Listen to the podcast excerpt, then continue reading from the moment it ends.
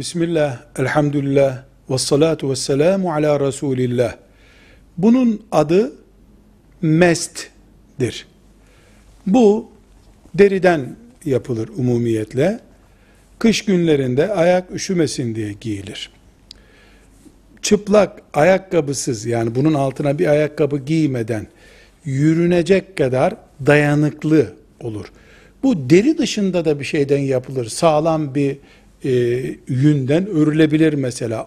Ağır bir kumaştan yapılabilir. Şu şekilde dik durabiliyorsa ve bununla 3-4 kilometre yol yürünebiliyorsa buna mest denir. Ta ashab-ı kiram zamanından itibaren fıkıh kitaplarımızda bulunan, kullanılan bir şeydir. Müslüman bir insan e, abdest aldıktan sonra, çıplak ayağını yıkadıktan sonra bunu ayağına giyer, ayağını yıkamaya sıra gelince de elini ıslatıp, ıslanmış eliyle mestin burasına şu şekilde elini sürer, buna da mesh denir. Meste mesh yapmış olur. 24 saat ayağından hiç çıkarmadan bu şekilde kaç defa abdest alırsa alsın mes edebilir.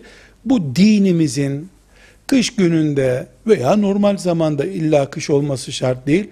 Müslümanın ayağının üşümesine karşı veya başka bir sakıncadan, su sakıncasından dolayı Müslümanın ayağında bir rahatlık ruhsatıdır.